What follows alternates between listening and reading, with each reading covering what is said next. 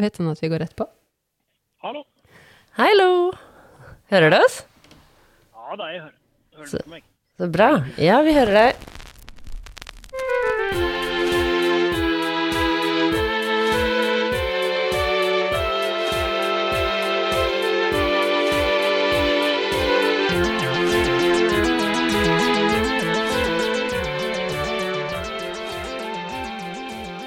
Har vi kommet til Tom Vegard Kiel, sjølveste lederen i Kystfiskarlaget.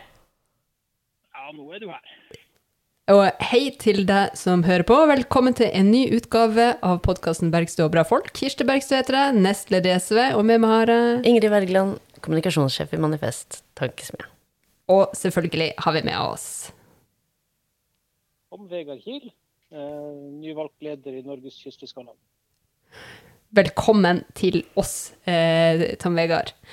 Hvordan kjennes det å være, være nyvalgt leder i Kystfiskarlaget? Nei, det kribler. Det er mye å ta fatt i, og det er, det er gøy. Altså det, det, det, er så viktig akkurat nå at man, eh, at man står på barrikadene. Eh, det føles, eh, det føles veldig merkelig, egentlig, at de store kampene, når de store kampen, kampene nå kommer, så skal jeg stå og fronte dem for, eh, for kystfiskerne og, og kystsamfunnene. Det er, det er surrealistisk, og det, det er Kile. Men jeg har jo hørt eh, mange allerede si at der har du rett mann på, på rett plass, eh, så vi må jo gratulere med et veldig viktig og betydningsfullt oppdrag. Hva er det dere har vedtatt på årsmøtet deres at, at dere skal jobbe spesielt med i, i tida som kommer, eh, Tom Vegard? Nei, akkurat nå så er det jo, eh, er det jo opp imot den, eh, den riksrevisjonsrapporten som er til behandling i Stortinget. Hvor vi har kommet med innspill, og, og hvor egentlig egentlig der hoved, hovedslaget kommer til å stå. altså Tolkninga av den, den rapporten, som egentlig bekrefter det som vi i Kystfiskarlaget har advart imot i, i mange mange år. Mm. Så, så eh, for vår del så var det lite nytt som kom i, i den rapporten, som sier da at at uh, fiskerettighetene er blitt altså, uh, samla på stadig færre hender. Kystsamfunnene utarmes. Uh, og, og altså, alt blir, har blitt sentralisert. Og det, det har jo vært gjort i, gjennom mange år. og det er jo ingen, ingen av de siste regjering, altså, av de regjeringene de siste 20 årene som kan si det at vi har ikke vært med på det her. Men, men jeg tenker jo at desto viktigere er det at man nå setter en fot i bakken og så tenker seg litt om hvordan vil vi at ting skal være i framtida. Hva er deres eh, viktigste innspill til, eh, til den rapporten, da? Eller til det som trengs av ny politikkutforming? Ja, altså det som har, det som har skjedd, eh, i hovedsak som vi ser, det er jo at det har vært overført eh, altså kvoterettigheter ifra eh, de minste fartøyene og oppover til de store, som har blitt stadig større, stadig mer fisk. Eh, og, og i bakgrunnen av det her, altså som en, som en lest for fordelinga imellom Vi har jo en, en nasjonal gruppekvote på, på de forskjellige fiskeartene. Som skal fordeles uh, imellom de forskjellige fartøygruppene og deretter, altså deretter uh, på de forskjellige fartøyene. Men det er klart at når, når det blir flytta kvantum imellom fartøygruppene stadig oppover, så blir det mindre til de små. Og vi har liggende et sånn eh, kompromiss, eh, en kompromissløsning fra eh, tidlig 2000-tall, tror jeg, som kaltes Finnmarksmodellen. Den Mm. har ikke for så vidt veldig mye med Finnmark å gjøre. Utover at det var Finnmark, daværende Finnmark fylkes fiskarlag som kom med det kompromissforslaget. Men den modellen har da stadig blitt utvanna. Fordi at eh, kan du si, byråkratiet har flytta kvantum oppover i systemet. Og når vi har bedt om å få kvantum nedover i systemet, så får vi til svar at nei, da må det politiske stortingsvedtak til. Men oppover kan de åpenbart flytte. Eh, og vår innstilling da er jo at vi har jo hatt sånne her eh, strukturordninger i, i, eh, i kystflåten og i havfiskeflåten, eh, hvor intensjonen har vært at det skal være færre fartøy, som alle har, har med. Altså, det er akkurat det samme som har skjedd i landbruket, hvor, hvor det har vært du har hatt på en måte en sånn nedleggelsespolitikk hvor de minste skulle bort for at det skulle bli større bruk, det skulle bli mer lønnsomt. Så ser jo i realiteten at det ikke det, det er ikke noe gullgruve. Um, men, men, det har da skjedd innenfor fiskeriene. Og så har de du kan si den gevinsten den sier vi i Kystfiskarlaget at den kan vi bruke til å gjenopprette balansen mellom de her flåtegruppene. Sånn at det også blir levelig for de fiskerne som bor i Nesseby og i Hammerfest og på Myre og på Skjervøy og i Alta og på Hasvik.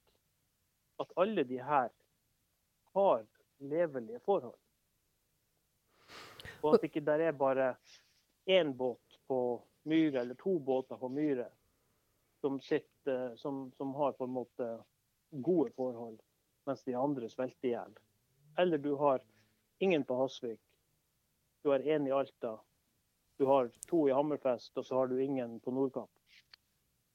Som, som, eksempel. Så vi må ha en, en, en ressursfordeling som er, som er sosialistisk, for å si det rett ut. Ja, fordi Når du snakker om at uh, vi trenger en omfordeling innenfor fiskeriene, da tenker du eh, tilgangen til, til, fisk, retten til å fiske? Retten til å fiske. Mm. Og så har vi også uh, så har vi også det her med, med jeg skal ikke si sonetilgang, for det er ikke det det er snakk om. Men, men de minste båtene har behov for å fiske på de mest skjerma områdene. Mens de største båtene, som kan gå først ut, de kan velge de roligste fiskefeltene nærmest land. Mm. Når du legger vær til grunn. Og det var jo der Vi hadde jo en kjempestrid oppe på, på Breivikfjorden, hvor jeg, jeg skrev en sånn her, eh, et hjertesukk på Facebook som tok så inn i jævelen av. Det var uh, det, det tok fryktelig av. Jeg har aldri sett så mye delinger og så mye kommentarer. Og folk var sinte. Hva var det du skrev for noe, da? Nei, jeg tok et bilde av en, eh, et havgående fiskefartøy. Som var eh, helt inne på, eh, på flata. På det som vi kaller for Breivikfjorden. De var i lovlig farvann. Fordi at de har en sånn her I fiskerireguleringene så har de store fartøyene en, et unntak fra regelverket som sier at de skal være lenger ut hele året. Uh, på første halvår. Så de hadde jo lov å være der. Men hjertesukket mitt gikk på at jeg syns ikke at det her skal være lov. Det her håper jeg at når vi får en ny regjering, at noen faktisk er villig å, å, ta, å ta tak i og få snudd om på, for det er ikke sånn det skal være. Mm. Altså Hvor du har båter på 60 og 70 meter kanskje, som kommer og konkurrerer med båter på 6, 7 og 8 meter lengde. Det er en brutal forskjell. Og du har eh, Altså, vi, vi lå jo der og fiska med Jeg har jo jeg har jo flere båter. Og eh, vi lå der med den minste båten vår som fiska når de kom. Og vi, vi, hadde faktisk, eh, vi lå faktisk på rundt 5000 kilo per dag mm. når de kom dit, første båten. Dagen etterpå så var vi nede i 3500 kilo. Så kom det to sånne her eh, havgående fartøy til og pakka oss helt inn. Eh, vi sto med, med 30, vi hadde 30 garn ute, altså av 30 meter. Du kan si Vi hadde 900 meter med, med garn ute. Og de her de store båtene de hadde til sammen 1900 garn. 1900 garn. Når de kommer og konkurrerer med de små båtene. Og av de båtene som lå der, så var det kanskje til sammen 150 garn før de her kom. Og de, de mer enn tidobla den bruksmengden som var der på slutten av sesongen. Uh, og vi endte opp på Jeg tror vi var nede i 300-400 kilo før vi ga opp og gikk til havs med den lille båten. Sånn at de store båtene skulle få fiske inne i fjæra, som de hadde lov til. Det er, det er, ikke, det er ikke, sånn, det er ikke sånn det skal være. Det er en farlig måte å drifte på. Mm. Når de minste båtene må gå lengst til havs. Vi må, ha en, vi må kunne dele de her fiskefeltene mellom oss på en, på en sikker måte. På en god måte, sånn at de, de store båtene har, har gode forhold å fiske på. Og de små båtene har gode forhold å fiske på. Um, sånn at uh, det er klart at når vi måtte med, med lille reiseværingen, som er, den er ti meter lang og, og tre meter brei, måtte gå to og en halv, tre timer til havs for å kunne, for å kunne få, få fisk. Der var neste, neste felt hvor du, hvor du faktisk fikk litt volum. Da bør det være stille sjø. Ja, ja da. Mm. Det er klart du er mye mer eh, Du er mye mer eh, værvant når du, når du, men, Men, når du skal lenger ut. Og, og det som også skjedde, ikke sant, og det som jeg sa til de her guttene, de var jo, de var jo ekstremt dyktige på hersketeknikk. For du havna i diskusjon med dem? Ba du dem reise og ryke idet du så dem? Nei, jeg gjorde ikke det. For jeg fikk en telefon fra dem først. Og det som det begynnes med, ikke sant, det er jo det er jo regelrette hersker, altså det er jo hersketeknikker. De, det er om å gjøre det ubehagelig å ta til motmæle. Mm. Sånn opererer de langs hele kysten. Jeg har fått rapporter på det. ikke sant? Så det er jo, det er jo en taktisk måte å operere på. Jeg er jo kjent med det fra, havbruksnæringen. Så jeg ble, bare, jeg ble, jeg ble mer forfæret enn det ble noe annet. for å si det sånn. Men Så, Tom Vegard, eh, så de, ja? de traff på de traff fryktelig feil mann. Så, eh, sånn at det som, eh, men det som skjedde, ikke sant, og som jeg også advarte om i den saken, her, det er at når du presser de mindre båtene til å gå lenger til havs, så får du ulykke. Mm. Og, eh, og vi fikk ei ulykke der oppe, og jeg var særlig glad at de store var gått bort derifra. For dette var ikke relatert, men de ville kunne fått pekefingeren på seg. Hva var det som skjedde da? Nei, da var det en båt som En liten båt som var for langt ut i for dårlig vær. På slutten av sesongen så er det, hvis du har en del fisk igjen, så er det lett å tøye grensen. Han fikk for mye fisk. Vil jeg anta. Vi har ikke fått eh, altså Riks, altså den her, eh, den her havarikommisjonen til eh, Statens havarikommisjon for ja, Nå har de skifta navn på den. Men i hvert fall, de, jo, de skal jo undersøke sånne her ulykker. De har ikke begynt å undersøke denne ulykka. Det er snart et år siden. I hvert fall et godt halvår. Og Da er det, Og, eh, er ikke så lett å vite hva man, hva man skal unngå av serien, da, hvis man ikke får lært av Nei, mm. ikke sant. ikke sant. Og det, som, det det som skjedde, var at den båten eh, havarerte ved sank. De fant mannen eh, ca. syv timer etter, etter det siste, siste dokumenterte Altså at man, man visste at han faktisk var der. Flytende. Og han var da omkommet. Og det, det er nummer to av mennesker jeg kjenner som omkommer i det havområdet. Så, eh, det, er, det er tøft å være fisker på mange måter. Det er jo dypt tragisk. Altså, man vet jo at det er jo blant de, de farligste yrkene som på, på verdensbasis så er det jo blant de farligste yrkene man kan ha. Men det er jo dypt tragisk hvis det er eh, sånn at man i tillegg presses eh, ut og, og, og tvinges til å tøye grensene eh, fordi at man må lenger ut etter fisk. Eh, når de store har vært og henta fangsten som kystflåten er bygd for å hente. Ja da.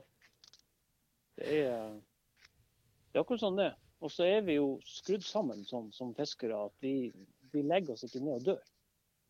Vi biter tennene sammen, så det her skal vi få til, og så går vi Mm. til havs. Mm.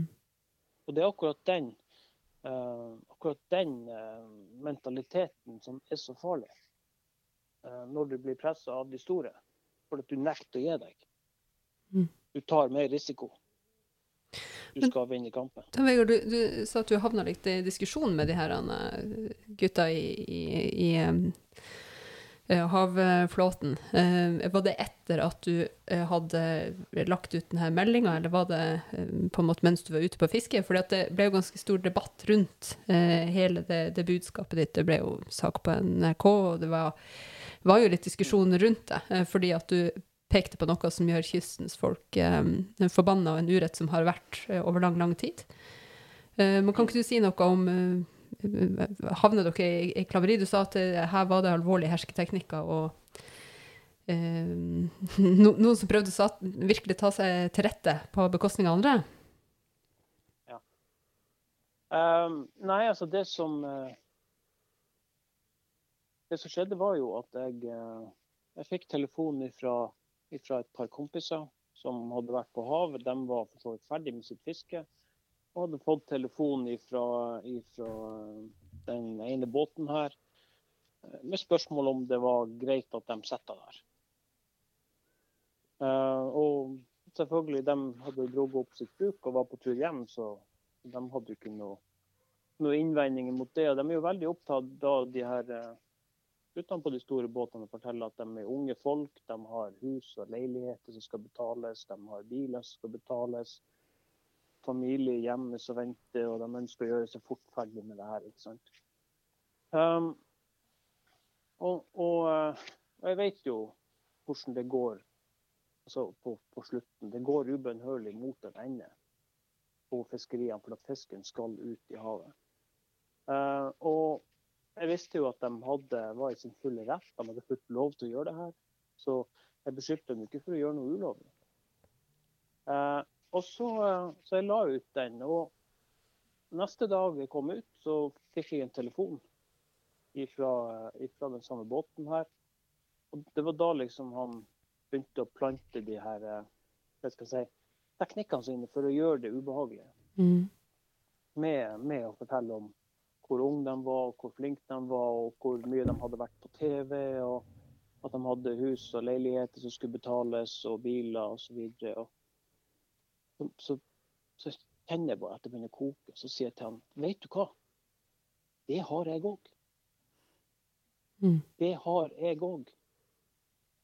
Og jeg syns ikke det er greit at dere ligger her og konkurrerer med de aller, aller, aller minste fiskebåtene. Jeg syns ingenting om det. Dere kan gå lengre til havs. Den fisken som står her på, på flata på Breivikfjorden og gyter nå, den skal ut i Barentshavet. Han kommer forbi på yttersida av Sørøya. Dere kan ta imot han der. Der svømmer fisk forbi hele tida. Akkurat nå så ødelegger dere for oss. Mm. Um, og eh, ja, jeg takka nå liksom for, for tipset, men, men, nå hadde de noe sett, så nå kom de til å bli værende der. Så sa jeg at uh, du må bare forberede deg på at, at, uh, at det kommer ikke til å bli noe trivelig, trivelig seanse. Fordi at, Og da hadde jo allerede sett responsen på, på det innlegget som jeg la dagen før. Han var ikke klar over det. Mm. Og, eh, og, og, da fikk man jo ikke sant respons. Det var fra hele landet. Det her er kjent teknikk. Sånn opererer de over det hele. Um, og, og, derfor så Og du kan si når de kommer med sånn her si, kompistilnærminger på en måte altså Det er vanskelig å angripe venner. så De, de prøver liksom å fremstille seg sjøl som, uh, som venner. Og da, uh, og da kommer du dit at, at uh, folk tør ikke å ta til motmæle. Og, sånn har det vært overalt. Men det der er, er, jo, er jo, noe veldig sånn dypt tragisk i, i, i seg sjøl, fordi eh, når fiskeripolitikken er så feilslått og forvaltninga så veik, så ender jo eh, man opp med å bli stilt opp imot hverandre. Fordi hadde det vært sånn at eh, den havgående flåten var der, eh, de hadde de, deres båter er bygd for å fiske, uh, og kystflåten fikk sine områder, så hadde jo ikke folk imellom blitt splitta på det viset. For det er jo egentlig utrolig trist at, at det som skjer, at du må gå i, i krangel direkte med, med, andre som forståelig nok vil hjem til familien og få opp, uh, få opp fangsten sin, for det, det kan jo enhver forstå. Men det splitter jo skrekkelig. Eh, det spritter jo kystens befolkning noe voldsomt. For det det er jo ikke de arbeidsfolka om bord på, på, de store båtene man kan ha noe imot, men at man har det, det regelverket som, som, i det hele tatt tillater dem å, å være der som kystfiskerne burde være. Mm. Ja, det det er, det er faktisk, eh, faktisk, veldig viktig. Jeg traff fiskeriministeren på årsmøtet til Fiskarlaget Nord. Han, han hilste nå og og, eh, og sier til meg at, eh, at det, var du som, det, var, ja, det var du som var så sint på, på så, Jeg trenger ikke å nevne navn om bord i, i den, eh, den båten oppe på Breivikfjorden. Mm. Og sier at nei, jeg var ikke sint i det hele tatt. Jeg var ikke sint på, på fiskere, sa jeg. Det som jeg sa til dem, at jeg ønsker dere alt godt. Men jeg ønsker ikke at dere skal ligge her og konkurrere ut de små båtene fra 6, 7, 8, 9 og 10 meter oppover. Dere har båter for å ligge i havet. Da kan dere fiske der. Mm. Og, eh, og, det er jo sånne ting som, som er, altså, er essensielle for meg. At, at, eh, at vi, skal, vi, skal, respektere hverandre. Men at respekt går ikke bare én vei. Mm. Det er ikke det at de, de, små skal respektere de store, og så skal de store få hoiere sånn som de vil. Og, og, og som jeg har sagt veldig mange ganger, jeg var fryktelig glad at det var akkurat jeg som skrev det innlegget om den saken på Breivikfjorden. Fordi at jeg har gjennom år nå med, med forskjellige disputter bygd kjempetjukk hud. Mm. For, en, eh, for, en, ungdom så hadde det der kommet til å være forferdelig, forferdelig ødeleggende for, eh, tror jeg, for, for framtida. For det, gikk, det ble personangrep. Det ble uh, svertekampanjer på Facebook. Um, jeg fikk regelrette trusler. Jeg har skjermdom av, uh, av, alt. Og det som var saken her, det var at de forsøkte å gjøre det til en personkonflikt med meg. Mm. For å marginalisere det. Jeg lot dem ikke få det. Jeg var helt bevisst på hva de holdt på med. Jeg kjenner taktikkene. Så jeg lot dem ikke eh, ta meg i den fella og svekke saken ved å gjøre det til at det er jeg som person som er imot dem. Da var det deilig, da var det deilig å se når de angrepene kom, når de utfallene kom. Og jeg tok bare et skritt tilbake mhm. for ikke å gå i, i, i direkteklinsj med dem i media. At andre kommer inn og forsvare og forklare og si det at det her du sier nå, det er ikke sant fordi at Ikke sant? Altså, folk slår inn. Mm. Selv om jeg ikke trengte det for min del. Men for saken var det viktig. Mm. Det er jo viktig å få sagt at her er det systemet som er problemet. Men du, ja. bare én ting, for du var jo litt inne på årsmøtet i Fiskarlaget Nord. Um, og nå har det jo vært en viss, uh, kan vi si, jordskjelv i den fiskeripolitiske organiseringa. Kan du ja. si litt om det? Ja. Um, hvor langt bak skal jeg begynne? du kan starte med det siste som har skjedd. Nei, vet du hva, Jeg kan faktisk begynne med det første. Det første som skjedde, var at uh, Kystfiskarlaget sin tid ble oppretta fordi at det som i dag heter fiskebåt, Fiskebåtredernes forbund, fikk for mye innflytelse i Fiskarlaget. Mm.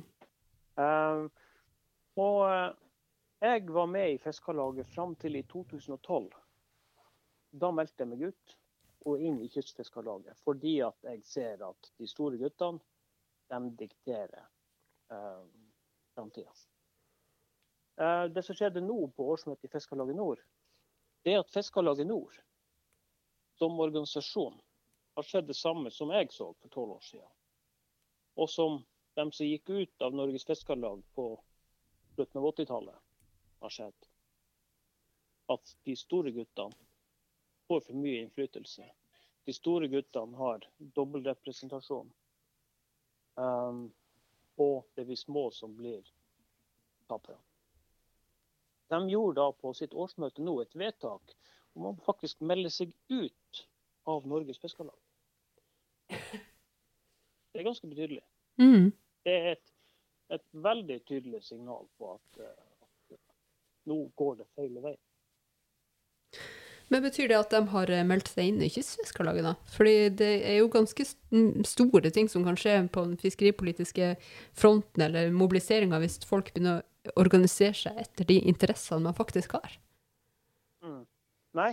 Uh, eller jo til det siste, men, men nei, til, nei til Kystfiskarlaget. Um, det hørtes ikke helt rett ut, det heller. Men, uh, Men, eh, men, eh, men, det som er saken, at, at de vil jo da bli stående som en frittstående fiskeri, eh, altså fiskerorganisasjon som organiserer kystfiskere i Troms og Finnmark i utgangspunktet. Mm. Norges Kystfiskarlag har jo medlemmer langs hele kysten. Kystfiskere. Og jeg tror jo det at, at på sikt så vil man kunne, kunne snakke sammen på, på, med, med formål å kunne lage en landsomfattende eh, kystfiskerorganisasjon som organiserer kystfiskere. Mm. Uh, så, eh, så det har jeg trua på. Men jeg tror at tida må modnes. Organisasjonene må modnes. Folk må få tid å tenke seg om. Også at man gjør de kloke og, og rette valgene. Vi skal ikke, vi skal ikke haste. Men Fiskarlaget Nord må jo ha en veldig betydelig andel av, eh, av medlemmene som Ja, til, til de. Generelt, holdt jeg på å si. Det er Ja. litt av Eh, en splittelse. ja, det kan du si. De er vel på de er rundt en tredjedel av medlemmene i Norges Fiskarlag. Ja. Eh, Men det største problemet skjønner du, som er eh, i særlig kystflåten, er at vi har så fryktelig lav organisasjonsgrad. Mm. Det er vel ca. bare hver, hver fjerde fisker som er organisert. Ja, og da jeg, jeg, jeg snakker jo med alle fiskerne jeg treffer om det her, og da er det jo en del av dem som sier sånn Ja, men hvorfor skal jeg det, og hva har jeg igjen for det? Hva vil du si til dem? Nei, jeg, jeg, eh, jeg ser. Jeg skjønner. Jeg har full forståelse for det. Um, jeg, eh, jeg begynte sjøl der. Jeg eh, var forutinntatt og tenkte at eh, nei, de organisasjonene de jobber ikke for meg. Mm. Så meldte jeg meg inn i Norges Fiskarlag. Jeg tenkte at ja, ja, kanskje vi klarer å, vi klarer å snu utviklinga hvis man går inn med med brystkasse og, og haka fremst, ikke sant.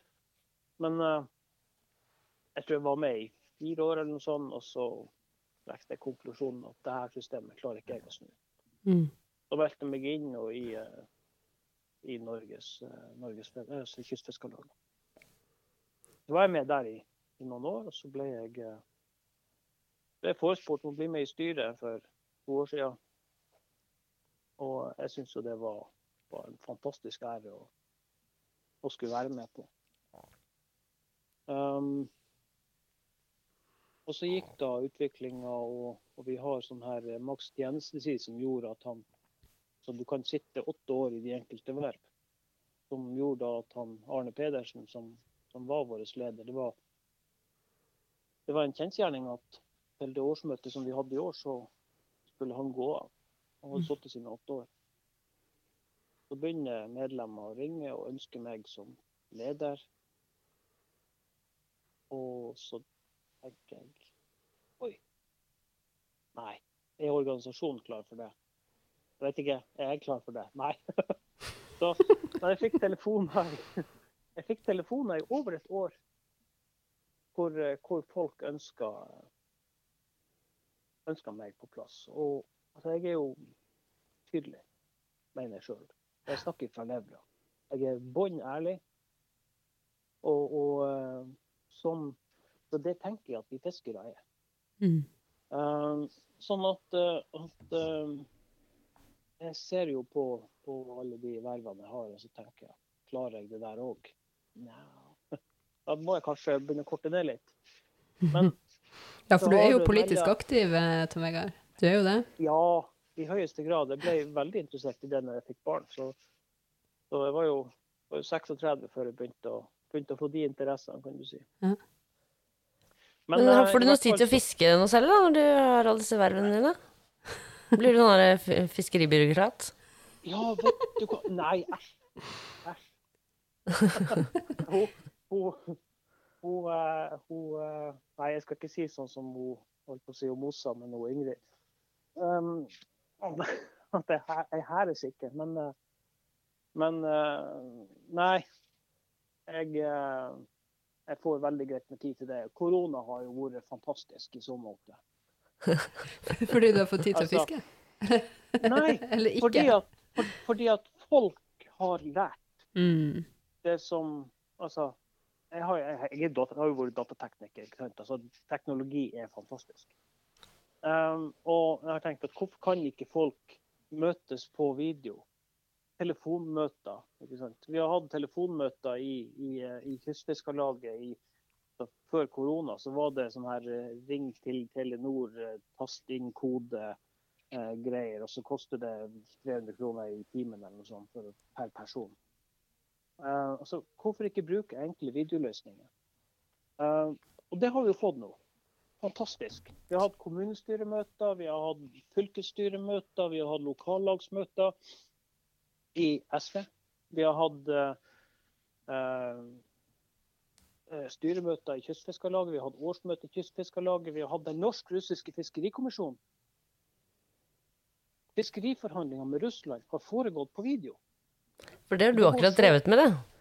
Ja, det er, det er sant. Um, da var jo ferdig nå på, på fredagen, så ble protokollen underskrevet. Men det viser bare at vi kan gjøre det så mye enklere, vi kan gjøre det så mye raskere. Jeg kan delta på møter mens jeg kjører båt, Oi. mens vi fisker.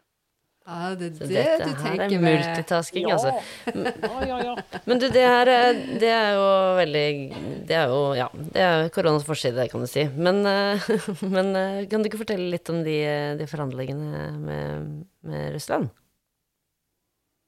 Ja, altså vi har, jo, eh, vi har jo årlige forhandlinger med Russland om de kan du si, eh, artene som vi har felles forvaltning med. Og, det her er jo Og hvilke er det da? Torsk, eh, hyse Sei er jo en nasjonal bestand, men vi har, eh, den er fremdeles med i forhandlingene i forhold til at Russland eh, får fiske etter sei. da, Så har du jo eh, reker som ikke er kvoteavregna, du har makrell, eh, sild Altså bestanden som vandrer, kan du si, Mm. imellom, imellom de her nasjonale sonene.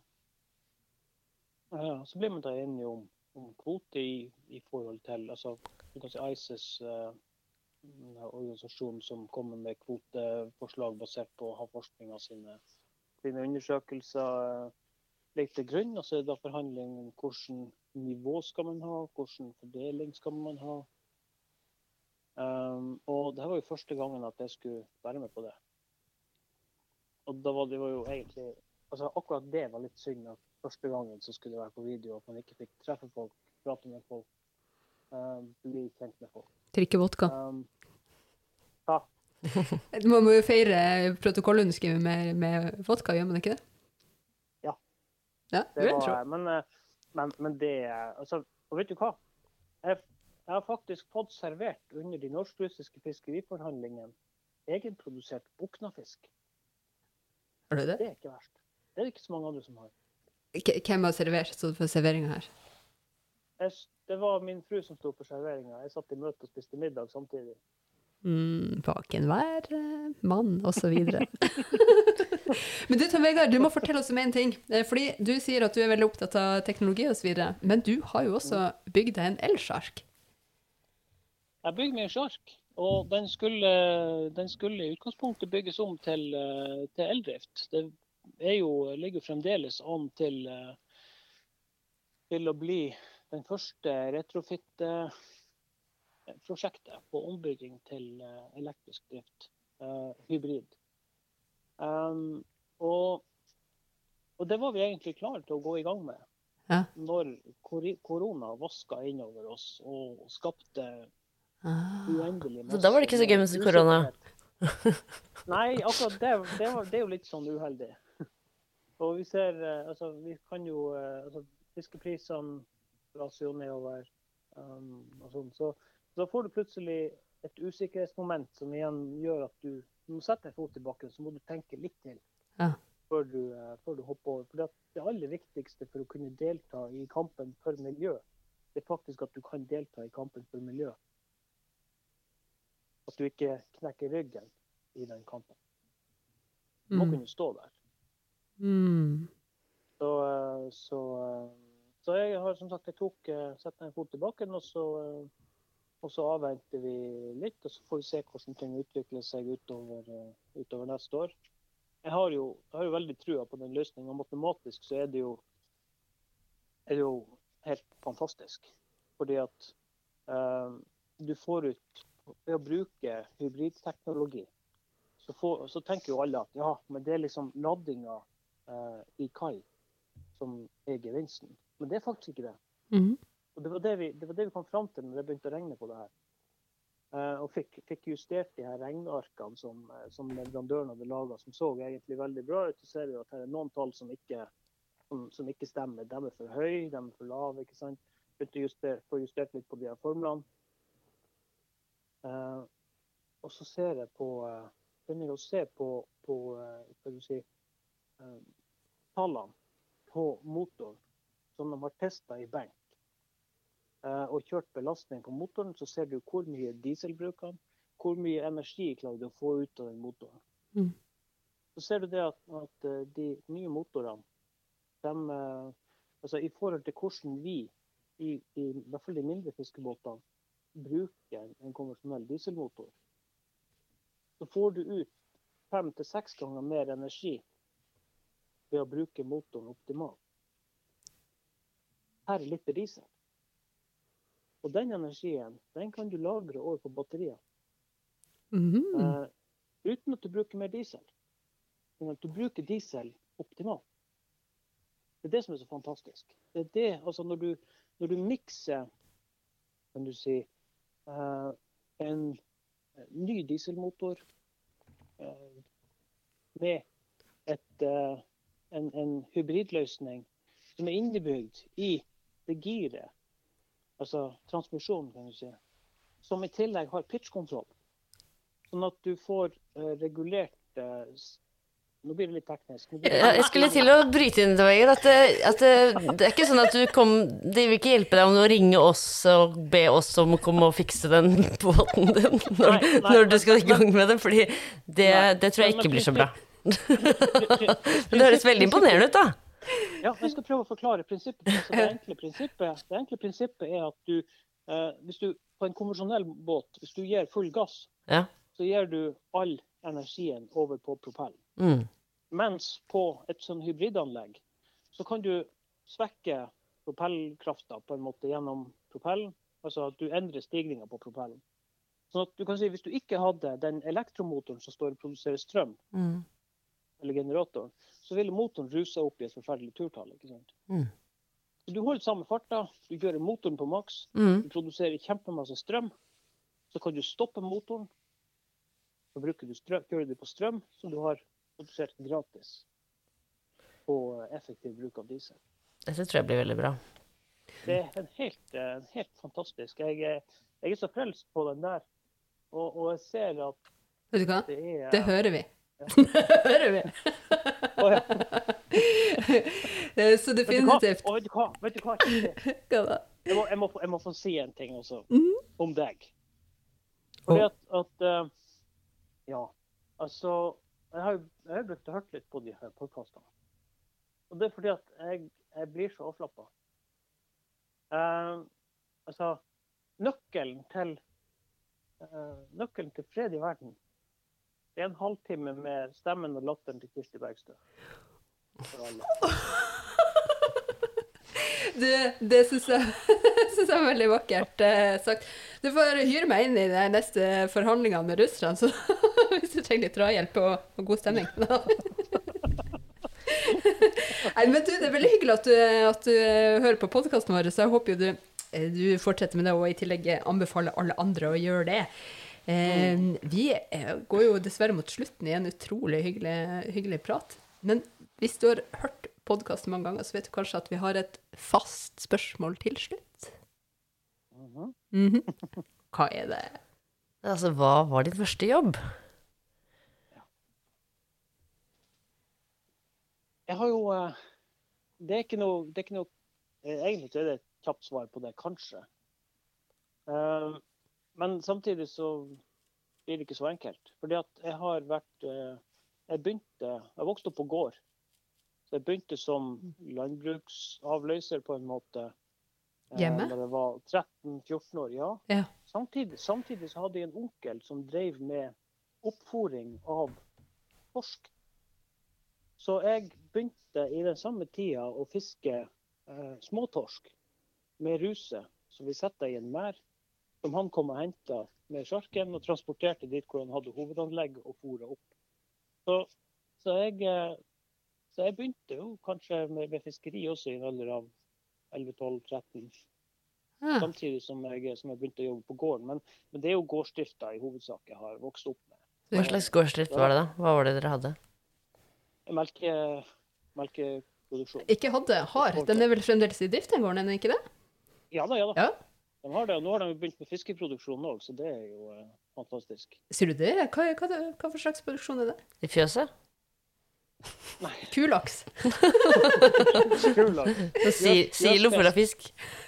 nei, nei da, altså de eh, Før jeg Altså, jeg har jo uh, altså, Før jeg egentlig begynte å fiske igjen i 2000, så jobba jeg litt som datatekniker og, mm. og sånne ting. Og, og da uh, da drev man produserte litt sånn lutefisk. De hadde en nabo som jobba på et fiskeanlegg som brukte å, som brukte å ta med De, De kjøpte litt, litt fisk gjennom hånda, altså tørrfisk. Og så lagde de lutefisk. Mm. Så ble det her kjempepopulært. Og så begynte jeg å fiske, og så begynte jeg å henge litt tørrfisk. Og så kjøpte de den tørrfisken, produserte lutefisk, og så tok det her veldig av. Mm.